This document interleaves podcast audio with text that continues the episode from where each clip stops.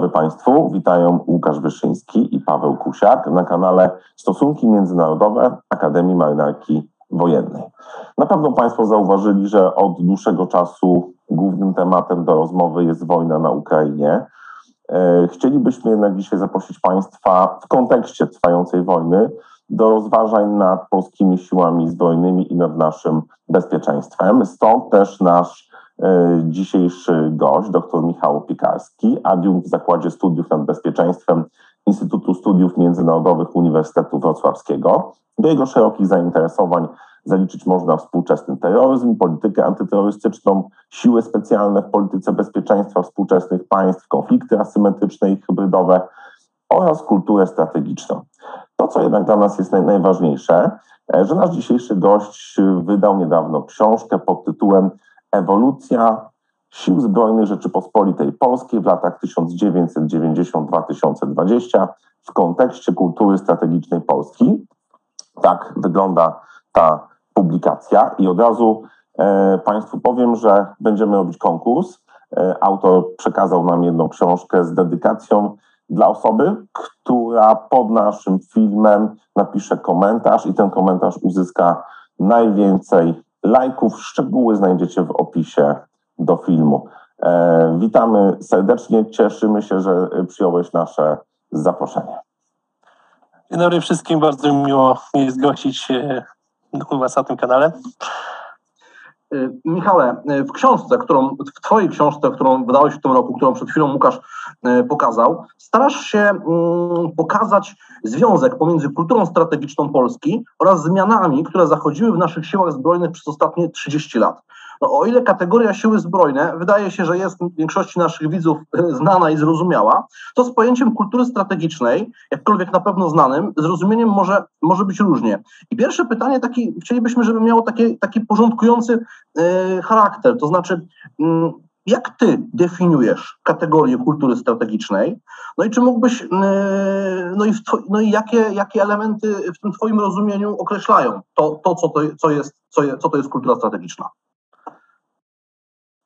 Gdy chcę wyjaśnić to pojęcie w takim najbardziej zwartym, najkrótszy, w najkrótszy sposób, to często mówię, że kultura strategiczna to są takie okulary. To jest y, coś, przez co społeczeństwo i państwo, zwłaszcza elity państwowe, mm, oglądają rzeczywistość y, w zakresie bezpieczeństwa, w zakresie możliwych zagrożeń, szans e, przeciwników, sojuszników i te okulary e, kultury strategicznej mm, wzmacniają, osłabiają e, określone obszary. Tak samo jakbyśmy założyli na przykład okulary, które mają jakiś filtr, który by wycinał jakiś, jakiś na przykład pasma, więc jakiś kolor, czy założylibyśmy ciemne okulary, nasza percepcja świata by się w tym momencie zmieniała. Tak samo tutaj, tak samo jest z kulturą strategiczną. W momencie, kiedy mamy Znowu, definicji jest wiele i nawet nie mm, część na siłę, żeby wprowadzać jakąś y, kolejną, jeszcze jedną własną, natomiast wszystkie sprowadzają się do jednego.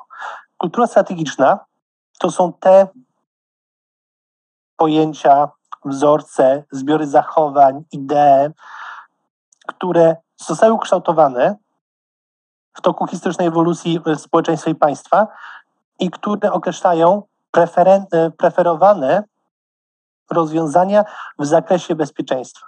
E, Alistair Johnson używa takiego ładnego terminu ranked preferences, czyli uporządkowane preferencje. Nie jest tak, że kultura strategiczna jest czynnikiem dominującym najwyższym. Jest tylko jednym z kilku czynników, ale ona wskazuje po prostu na te mm, rozwiązania, na te opcje, e, które danemu społeczeństwu są najbliższe. I e, tak jak właśnie Johnson odwołuje się do tego centralnego paradygmatu kultury, kultury strategicznej, mm, to te okulary od, y, dają odpowiedź na takie trzy pytania. Po pierwsze, czy wojna jest czymś naturalnym, czy też jest aberracją? Y, czy użycie sił zbrojnych jest skuteczne, czy też nie? I czy wreszcie, czy polityka międzynarodowa to jest gra o sumie zerowej, czy też nie zerowej?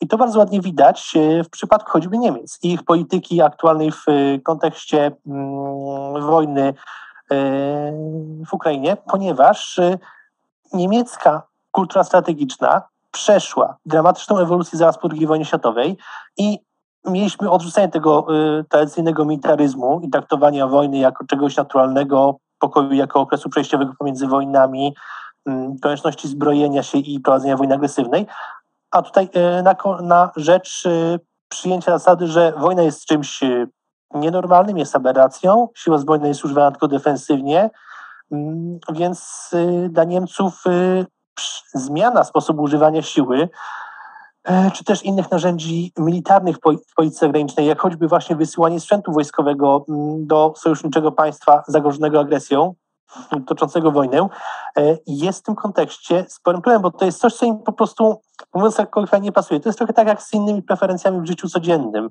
Są rzeczy, które, nam, które czujemy, że nam bardziej pasują, są e, dla nas lepsze, nie tyle w rozumieniu obiektywnym, ale na przykład bardziej nam się podobają. Że to będą ubrania, elektronika, samochody. Samochody są też bardzo fajnym przykładem, bo samochód jest czymś, co jest y, mocno uwarunkowane kulturowo w naszym społeczeństwie, więc budzi oczywiste skojarzenia.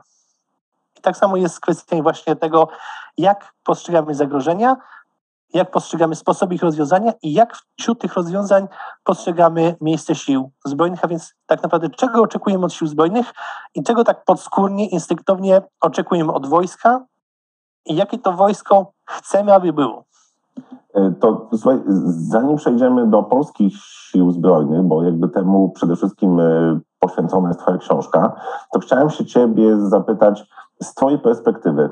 E, no, zahaczyłeś o Niemcy, tak, że jakby u nich po II wojnie światowej doszło do bardzo głębokich zmian strukturalnych, które można powiedzieć wywróciły ich kulturę e, strategiczną z tej militarystycznej, tak, e, no tylko druga, pierwsza wojna światowa, cała szkoła pruska, a mamy, a gdybym mógł zapytać o inne państwa, z twojej perspektywy, w jakich państwach dzisiaj widać, że ta kultura strategiczna rzeczywiście mocno wpływa na strukturę sił zbrojnych i na to, jak one są wykorzystywane w polityce międzynarodowej.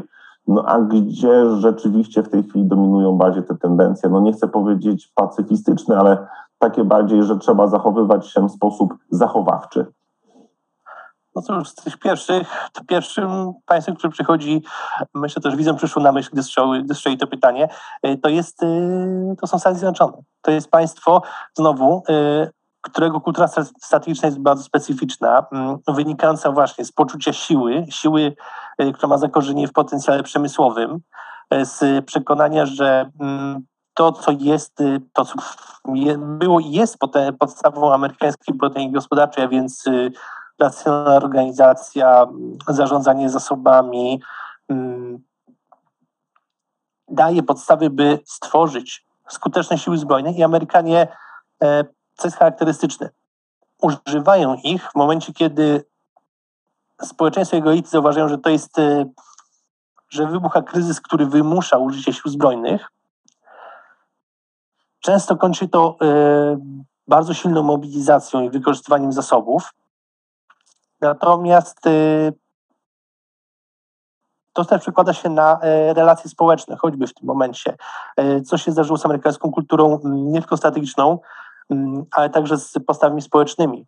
Po y, tej traumie wojny wietnamskiej, bo nieuchronnie będziemy zahaczyć o różne traumy, mówiąc o kulturze strategicznej, mm, uznano, że armia amerykańska nie może być armią y, poborową, że powinna być to przede wszystkim armia mm, ochotnicza, czy zawodowa, jak w Polsce mówimy. Y, I stąd też to, co obserwujemy od tych dwudziestu kilku lat, to jest bardzo wysoki status społeczny mm, wojska w amerykańskim społeczeństwie e,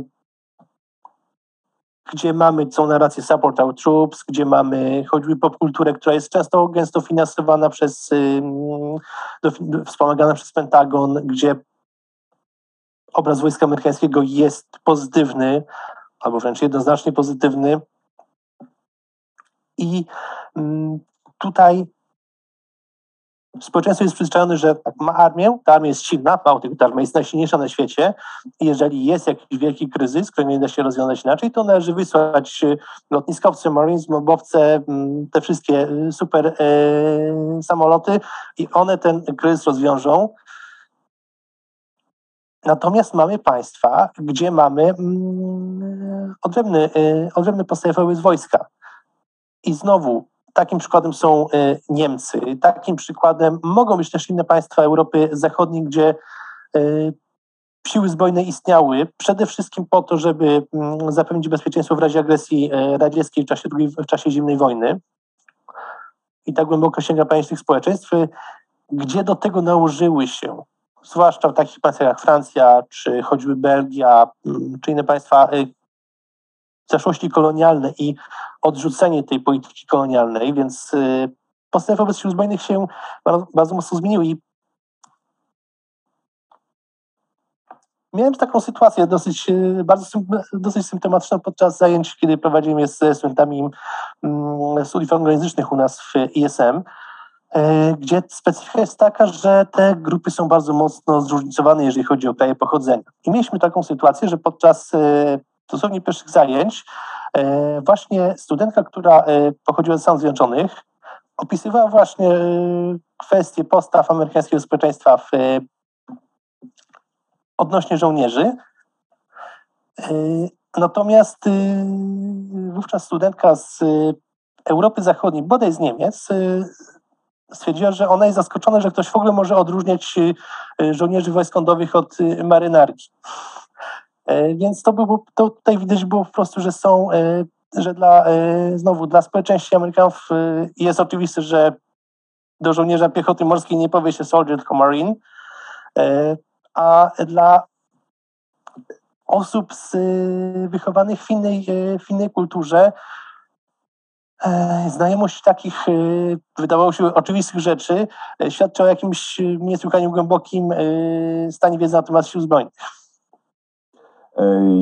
I teraz jakbyśmy mogli przejść już bezpośrednio do polskich sił zbrojnych. Czytając wstęp do, do, do Twojej książki, gdzie chyba słusznie jakby starasz się uporządkować, co będzie celem, co chcesz pokazać, dowieść, stawiasz trzy hipotezy, które jakby balansują pomiędzy brakiem, tej, brakiem wpływu kultury strategicznej na rozwój sił zbrojnych, poprzez wpływ ograniczony, aż po ten wpływ, który rzeczywiście byłby istotny. I teraz pozwolę sobie przeskoczyć do zakończenia, gdzie znajdujemy informację, że cały ten okres, prawie 30 lat, Mm, to było w pewnym sensie takie balansowanie między podejściem trady tradycjonalistycznym a modernizacyjnym w odniesieniu do rozwoju sił zbrojnych RP oraz naszej kultury strategicznej. No i tutaj w świetle wyników Twoich badań, jak można opisać polską kulturę strategiczną do roku 2020 oraz jak wyglądał jej wpływ właśnie na rozwój naszych sił zbrojnych, no bo to chyba wydaje się oczywiste, że ten okres po roku 90 oznaczał dla nas bardzo dużo zmian.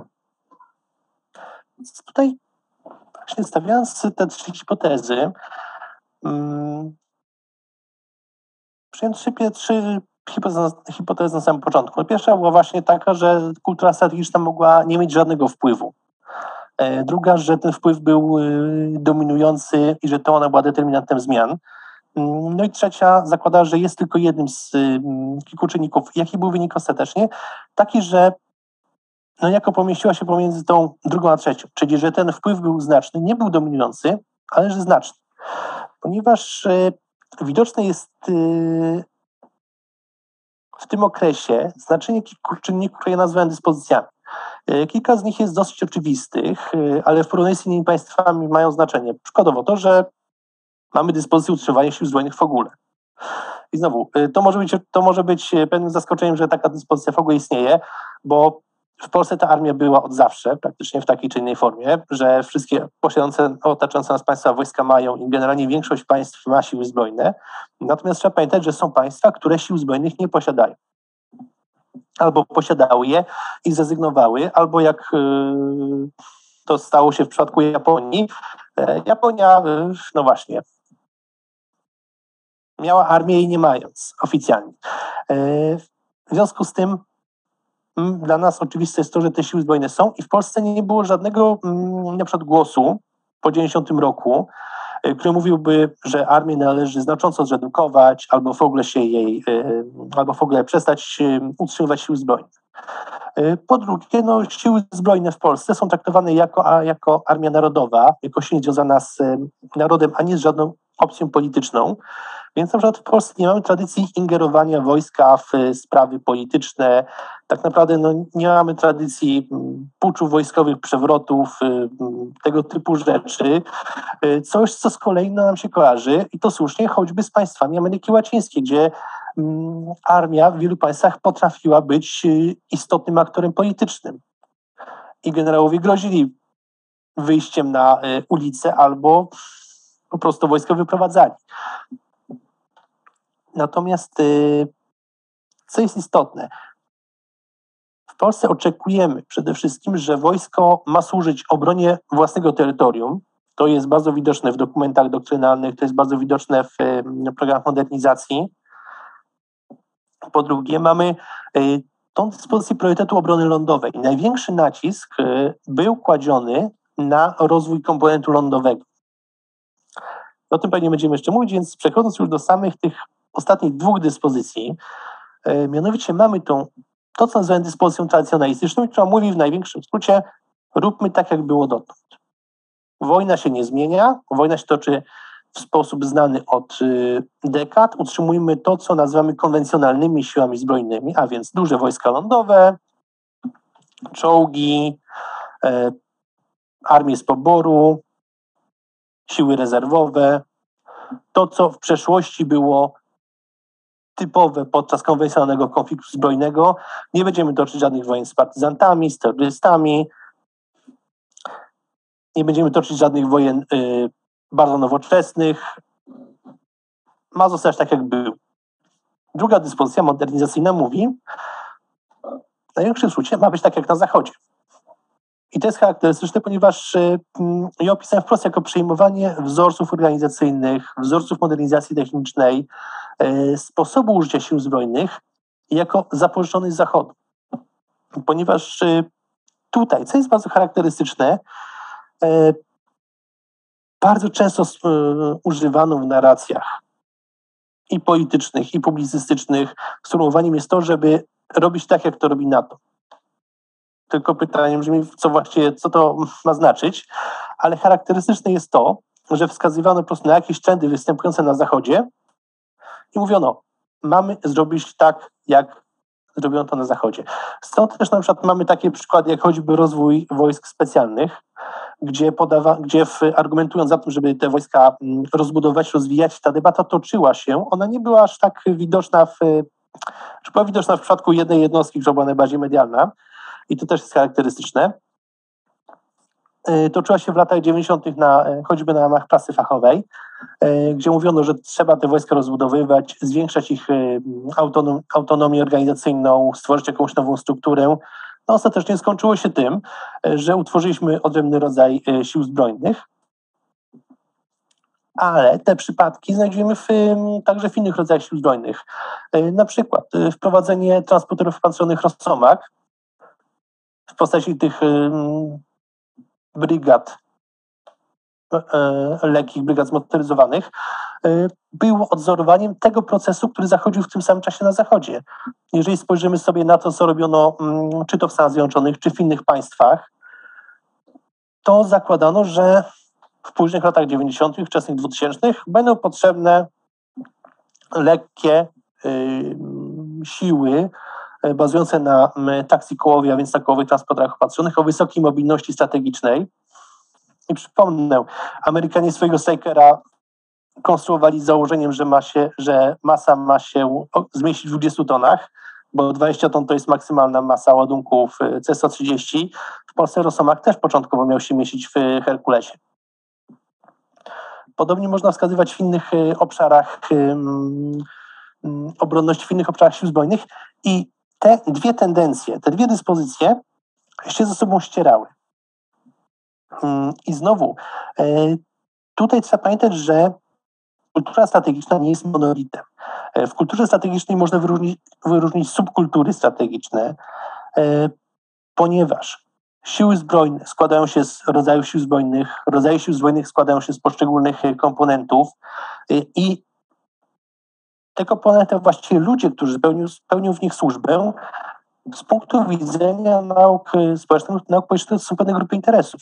W przypadku na przykład tym, znowu nacji amerykańskiej, e, tam często czytając o, poszczególny, o y, poszczególnych rodzajach sił zbrojnych, można wręcz, można wręcz trafić na takie pojęcie jak community, ale community definiowane na przykład y, przez jakiś jeden rodzaj e, zadań, czy też e, mm, rodzaj wykorzystywanego sprzętu.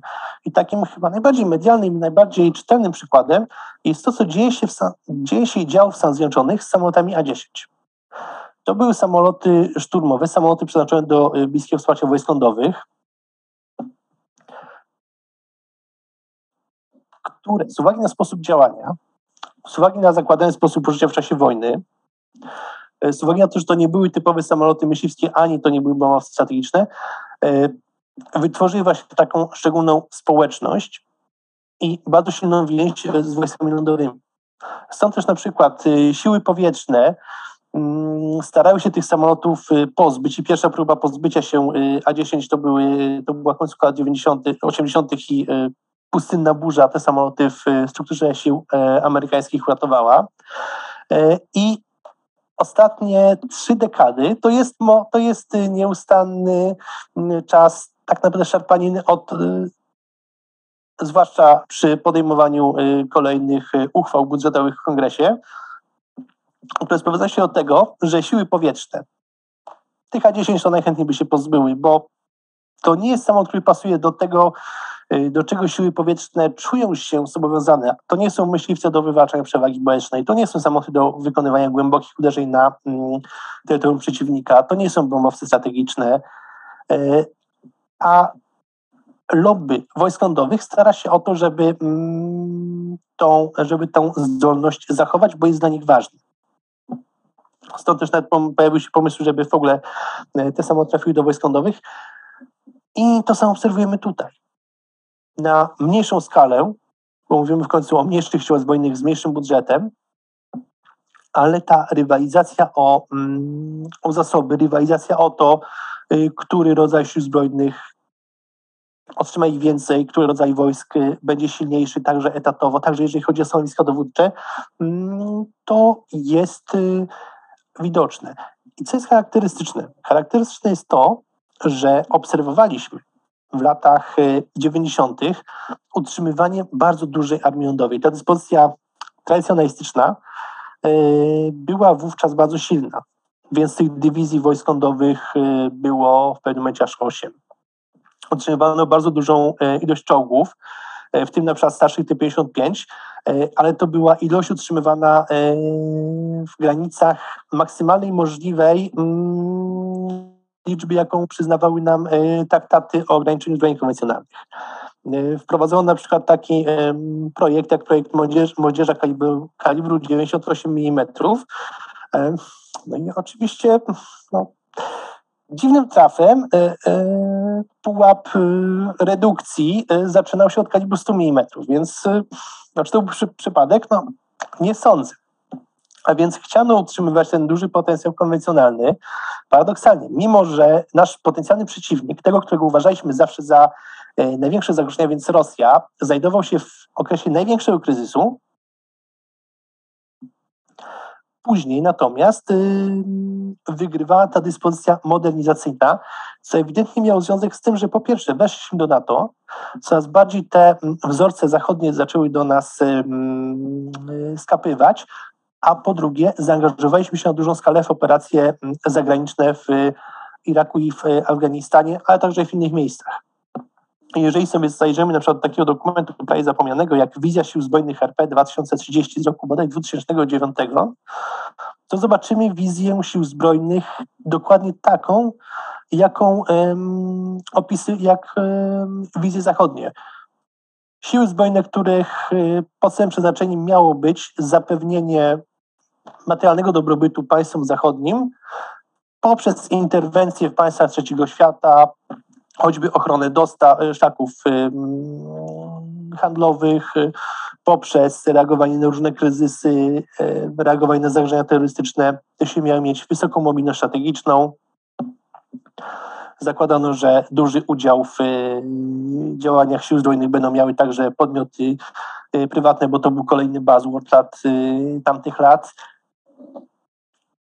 że będą istotne działania cybernetyczne. a perspektywa konfliktu konwencjonalnego pomiędzy dużymi państwami będzie coraz bardziej się oddalać. I te dwa procesy ukształtowały siły zbrojne e, w takim kształcie, w jakim mamy, przy czym znowu obecnie obserwujemy wyraźny powrót tej dyspozycji e, tradycjonalistycznej jeżeli ja słuchając Twojej y, wypowiedzi mam ochotę kilka dygresji, ograniczę się do takich dwóch, bo jestem ciekawy Twojego zdania mhm. y, w dwóch obszarach. Po pierwsze, na samym początku, w kontekście pierwszej dyspozycji zwróciłeś uwagę, że w ostatnich 30 latach, czyli po transformacji ustrojowej, w zasadzie idea interwencji wojska w życie y, społeczne, no tak nie powiedziałeś, ale tak to zrozumiałem, że no, w zasadzie jej nie było. No, powiedziałeś, że nie ma w tradycji polskiej, jak w Ameryce Łacińskiej na przykład, tradycji interweniowania wojska w, w, w, politykę, no bo my w swojej historii polskiej taką, takie elementy mamy, żebyż daleko nie szukać, czy 26 rok Józef Piłsudski, czy y, stan wojenny oczywiście to jest y, najlepszy, ale Grudzień 70 tutaj na nas na wybrzeżu też szczególne, szczególne traumatyczne wydarzenie i to są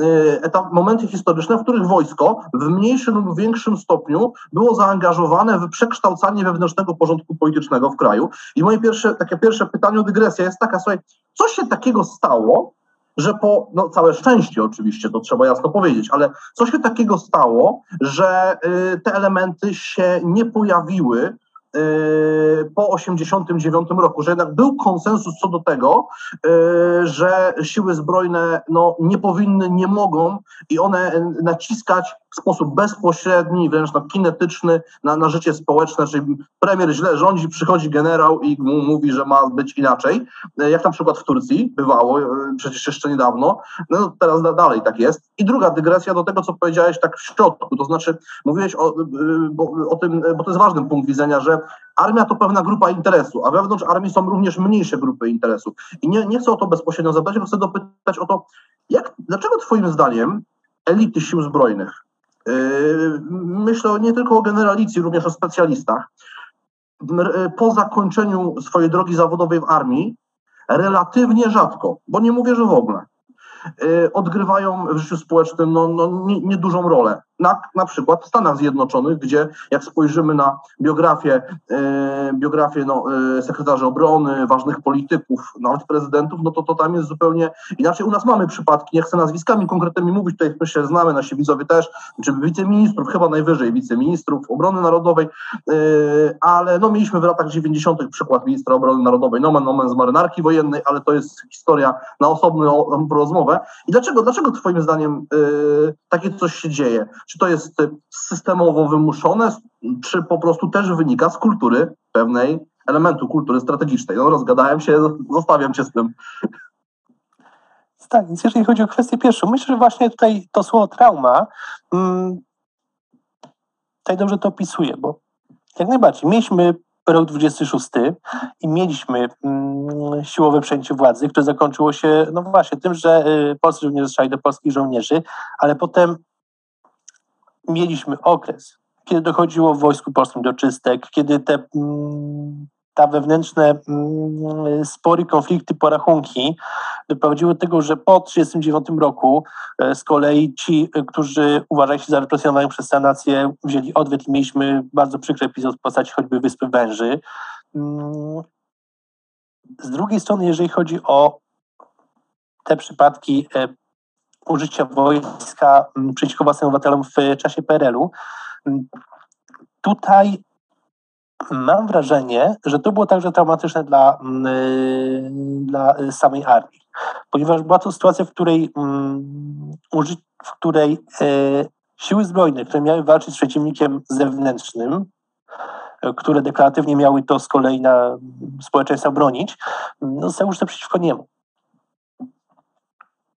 Stąd też e, jedyny tak naprawdę duży ruch pacyfistyczny, jaki się pojawił w Polsce, to, to był ruch Wolność i Pokój, to były lata 80. późne i to był bezpośredni efekt y, stanu wojennego.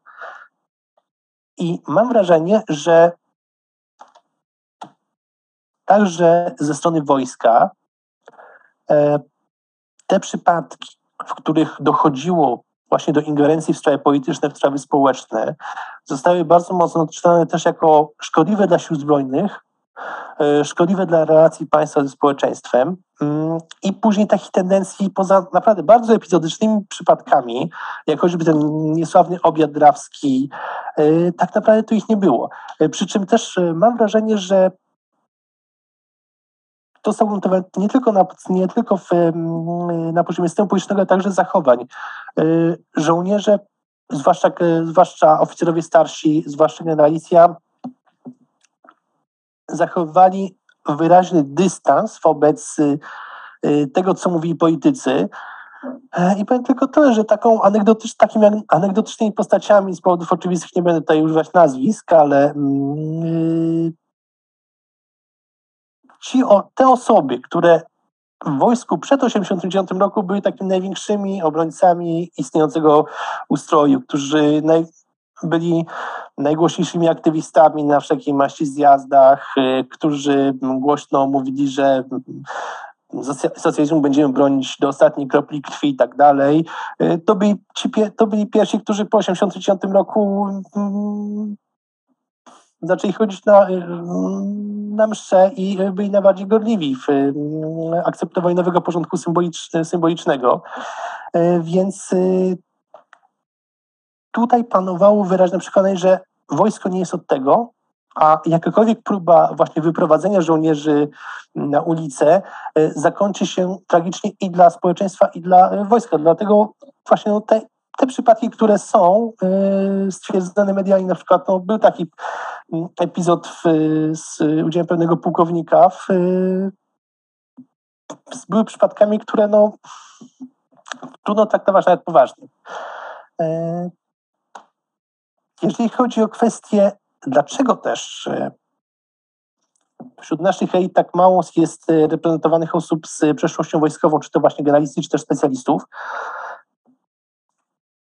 to jest też, to też pytanie, że tutaj też nie mam w zasadzie jednego dobrego, jednej dobrej odpowiedzi, nie mam jednego mm, wyjaśnienia. Bo teoretycznie nic nie stoi na przeszkodzie, żeby ktoś, kto mm, odbył służbę wojskową, przeszedł na emeryturę w stopniu pułkownika, generała, y, podjął się działalności politycznej. Tymczasem mamy tych przykładów bardzo niewiele. E, I niektóre z nich są przypadkami spektakularnej klęski. Przypomnę, że generał Wilecki startował w wyborach prezydenckich w 90 2005 albo 2000 roku, już nie pamiętam, e, i dostał e, jakąś strasznie małą ilość głosów. On był chyba drugi od końca w tych wyborach. A więc e,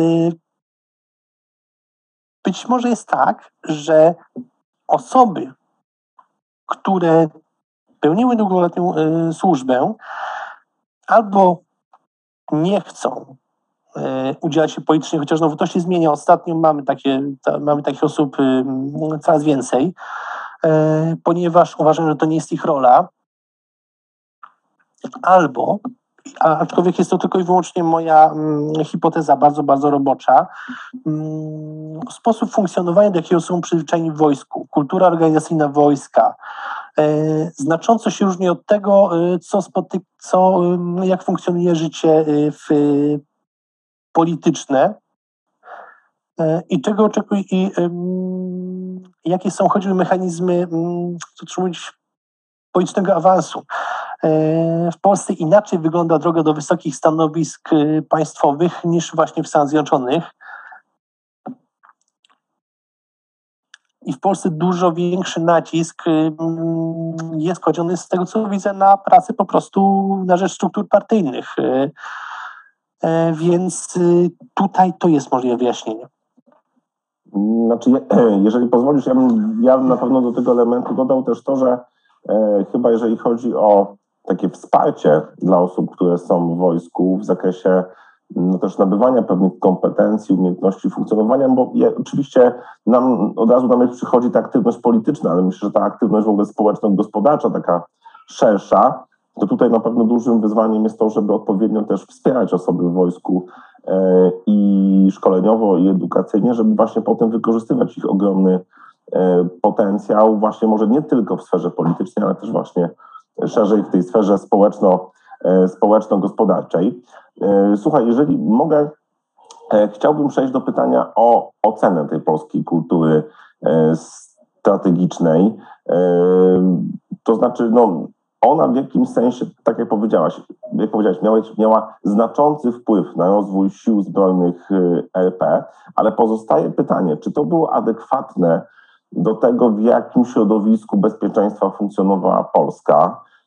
Wskazywały, że na przykład w roku 2009 spodziewano się, że świat będzie wyglądał inaczej, więc może jak możemy nawet przyjąć taką cezurę czasową tego roku 2009, no to czy później ta kultura strategiczna w sposób właśnie adekwatny warunkowała tą strukturę naszych sił zbrojnych, no czy może właśnie tutaj decydujące zdanie miały zupełnie inne czynniki wewnętrzne? Właśnie, no, trudno trochę oceniać kulturę strategiczną, bo kultura strategiczna to jest też to, w czym my pracujemy nie, niekoniecznie bezpośrednio, ale mm, to jest też to wszystko, co tworzą y, także środowiska naukowe związane z bezpieczeństwem. E, I jako to jest pytanie w tym momencie no, takie metanarracyjne, metaoceniające. Co jest na pewno charakterystyczne w polskiej, we wpływie polskiej kultury strategicznej na ewolucję sił zbrojnych, e, to jest właśnie to, że przez y, długi czas można ocenić, że ona się trochę rozjeżdżała. Rozjeżdżała się e, właśnie w tym sensie, że utrzymywanie w latach 90. bardzo dużych stanów etatowych, przynajmniej teoretycznych wojska, utrzymywanie dużej liczby sprzętu. E, często sprzęt, znowu, jeżeli przyjmiemy jakąś obiektywną miarę, to często ten sprzęt był przestarzały. W przypadku czołgów T-55 na przykład można jeszcze polemizować, bo część z nich to były czołgi typu Merida po modernizacji. To na przykład w przypadku choćby sprzętu broni przeciwlotniczej, myśmy zestawy typu S-75 utrzymywali do wejścia do NATO. A więc utrzymywaliśmy zesta, zestawy rakietowe, które były no, mm, szczytem techniki w roku 1960, kiedy zestrzelił dwa. Potem było już tylko coraz gorzej i te zestawy miały być zastąpione przez S300 w, y, na początku 90. nie wyszło. I pojawia się pytanie, dlaczego w takim razie tak długo je utrzymywano? Dlaczego tak długo na przykład utrzymywano y, armię z poboru? Dlaczego tak długo utrzymywano tak y, relatywnie długie okresy służby? Dlaczego nie próbowano zastąpić ich na szerszą skalę jakąś inną formą służby? mam wrażenie, że tutaj po prostu y, przeważyła y, obawa przed zbyt daleko idącymi zmianami. W zasadzie nie zmieniajmy, bo nie wiadomo, co z tych zmian przyjdzie. Utrzymujmy tak, jak jest, a wręcz wzmacniajmy. Na pewno tę istotną rolę odgrywała niepewność y, związana z tym, co wyjdzie z rozpadu Związku Radzieckiego. Być może i to jest charakterystyczne, bo ta, dokumenty z 1992 roku są dosyć charakterystyczne, ponieważ je, je, pisano właśnie w warunkach tej bardzo daleko idącej niepewności, tuż po puczu Janajewa, kiedy nie było jasne, w jakim kierunku pójdzie choćby Ukraina, czy w jakim kierunku rozwinie się sytuacja na Białorusi, coś się stanie z Sowodem Kaliningradzkim. E, tutaj, gdybyśmy ją oceniali, można powiedzieć, że zawiniliśmy trochę, ponieważ zbyt długo utrzymywano zbyt duże siły zbrojne, zbyt mało nowoczesne, ze zbyt wolnym yy, procesem modernizacji. To jest charakterystyczne, że te próby modernizacji w latach 90. one były, ale były sfokusowane na domenie lądowej. To były programy jakie, takie jak Twardy. Ok, Twardy się udał, ale program Loara skończyło się jednym egzemplarzem. No niestety nie udało się. Program y, rozbudowy lotnictwa wojsk lądowych był niezwykle ambitny, jak to na lata 90. Y, czasy ekonomicznie niewesołe, ale myśmy próbowali stworzyć dywizję kawalerii powietrznej, gdzie zapisywano, że tam będzie około 300 śmigłowców, jeżeli dobrze pamiętam. Miał być śmigłowiec pola walki, czyli huzar. No i skończyło się tym, że po huzarze został hmm, generalnie bardzo niemiły zapach, bo program upadł w atmosferze afer, oskarżeń, e, bardzo brzydkich zagrywek medialnych. E, a budowa dywizji kawalerii powietrznej zakończyła się tym, że w końcu powiedziano, dobra, machnięto ręką, będzie to brygada. Brygada dosyć specyficzna, będąca tak naprawdę no, efektem tego, co udało się sformować, co udało się stworzyć w tym czasie.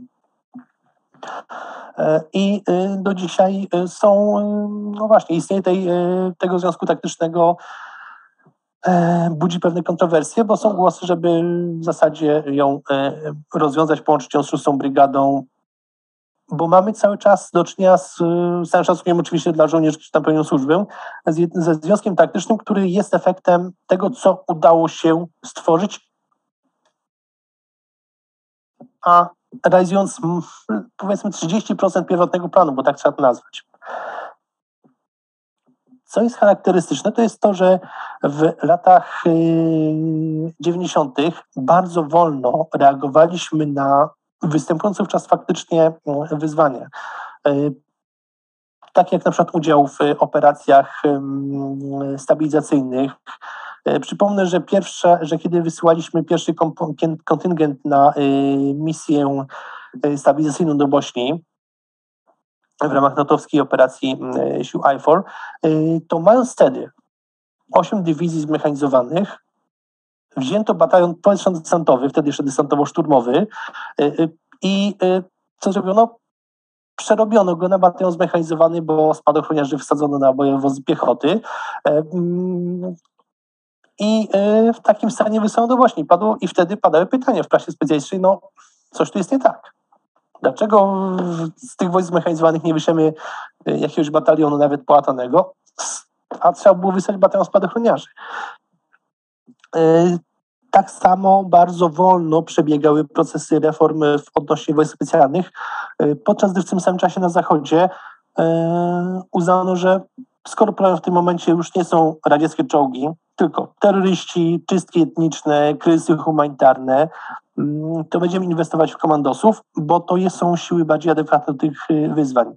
E, I o ile w latach 90. obserwowaliśmy daleko idący rozwój wojsk specjalnych i zmiany organizacyjne jeszcze przed 11 września, to w Polsce tak naprawdę najsilniejszy postęp w postaci utworzenia przykład jednostki przeznaczonej do uwalniania zakładników miał miejsce de facto poza siłami zbrojnymi, bo jednostka wojskowa GROM była no właśnie jednostką wojskową, ale, w, ale podle, podległa Ministerstwu Spraw Wewnętrznych, e, bo wtedy istniało jeszcze takie, istniało jeszcze takie coś jak jednostki wojskowe podległe Ministerstwu Spraw e, Wewnętrznych. E, no, z kolei po 2001 roku to jest też charakterystyczne. E, kiedy jednostka wojskowa GROM była przenoszona do e, struktur e, MONU, to wówczas padały głosy bardzo wysokich rangą osób o tym, że no, taka jednostka w zasadzie wojsku nie jest potrzebna. I doszło w tym czasie do jednego z takich pierwszych bardzo medialnych kryzysów dookoła tej jednostki. Co się działo po roku 2000, doszło do sytuacji, w której priorytet uzyskały właśnie te siły, które były postrzegane jako najnowocześniejsze, najbardziej adekwatne, a więc właśnie wojska specjalne, e, siły uważane za siły przeznaczone do szybkiego reagowania, więc e, siły aeromobilne, siły mm, e, lekkie. Warto zwrócić uwagę, że to jest ten okres, kiedy także dla marynarki wojny udało się pozyskać choćby okręty, przy fregaty zostały pozyskane właśnie pod kątem użycia ich podczas działań e, sojuszniczych. E, I tutaj widać ten wpływ dyspozycji, która mówi róbmy tak, jak jest e, na Zachodzie, bo Zachód dobrze zidentyfikował te zagrożenia, te problemy, a poza tym będziemy te problemy rozwiązywać wspólnie z innymi państwami zachodnimi, więc musimy budować sobie kompatybilne, komplementarne siły mm, zbrojne. No, no, no właśnie, ale widzisz, teraz te dysku- i tak sobie dyskutowaliśmy, y, nie chciał, nie wiem, jest to takie określenie w tym polskim piekiełku, no ale przyszedł 24 luty 2022 roku, no i się pojawił, czy też y, czarny łabędź, choć dla ekspertów to czarny łabędź przecież nie był, bo to nie zaczęło się, mhm. się od razu, czy, czy game changer, używając takich popularnych kategorii, no ale zaczęła się, y, zaczęła się rosyjska inwazja na Ukrainę. Y, no i tutaj się pojawia podstawowe pytanie, no bo mm, to, czy ona wpłynie na kształt modernizacji polskich sił zbrojnych, no to jest moim zdaniem no, no pytanie jednoznaczne, no odpowiedź jest jednoznaczna. Ale teraz tak, jak polska kultura strategiczna istniejąca już, tak jak zwracałeś uwagę, ukształtowana w procesie historycznym, wypadkowa wielu y, traum, wydarzeń, interesów wewnętrznych, zewnętrznych, bo też musimy pamiętać o zewnętrznych siłach yy, ingerujących w kształt polskich sił zbrojnych, lobbingu i tym podobne. Jak one, jak to wpłynie, czy jak w tym kontekście rosyjska, jak polska kultura przetworzy tą inwazję i jak ona sama w sobie na tą naszą, yy, na tą naszą yy, kulturę strategiczną wpłynie. Jak ty sądzisz, jak będziemy, jak będziemy dyskutować w najbliższych latach o modernizacji sił E, sił zbrojnych. No i upraszczając, czy po prostu już jednym wielkim priorytetem na najbliższe pokolenie to jest przygotowywanie się do wojny z Rosją, tak? E, czy jednak to na to trzeba patrzeć jednak zupełnie szerzej, szerzej albo inaczej?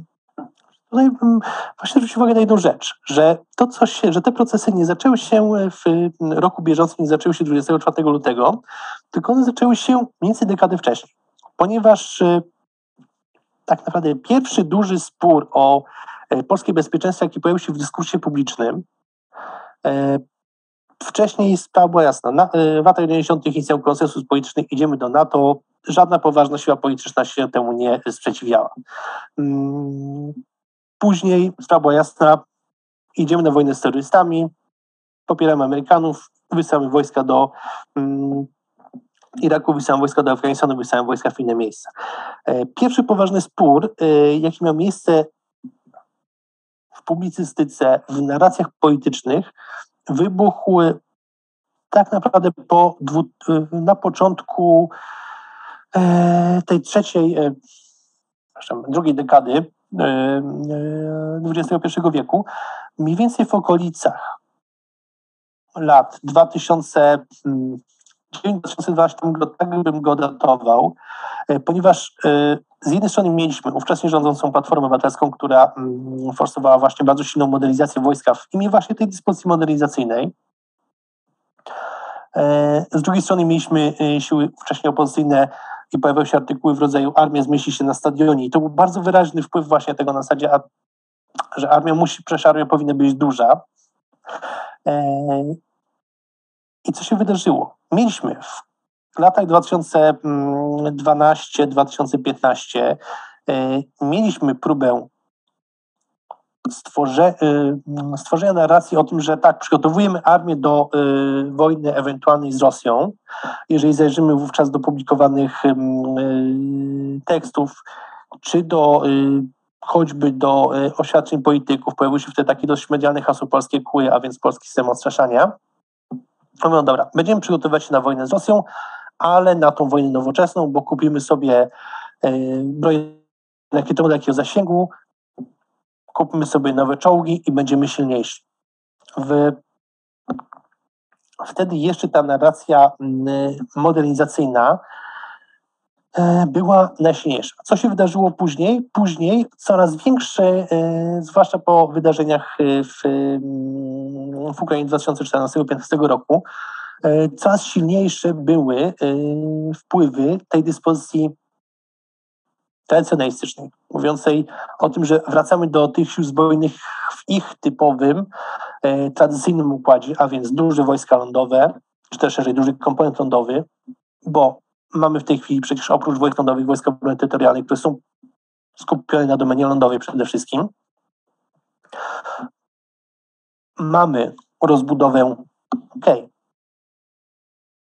jakościową w postaci pozyskiwania tego nowego sprzętu, ale to jest jednocześnie rozbudowa ilościowa. I dotarliśmy w tym momencie do tych deklaracji o 300 tysiącach żołnierzy, y, gdzie mamy w przestrzeni publicznej dyskusję o tym, że może będzie piąta dywizja, może nawet będzie szósta dywizja.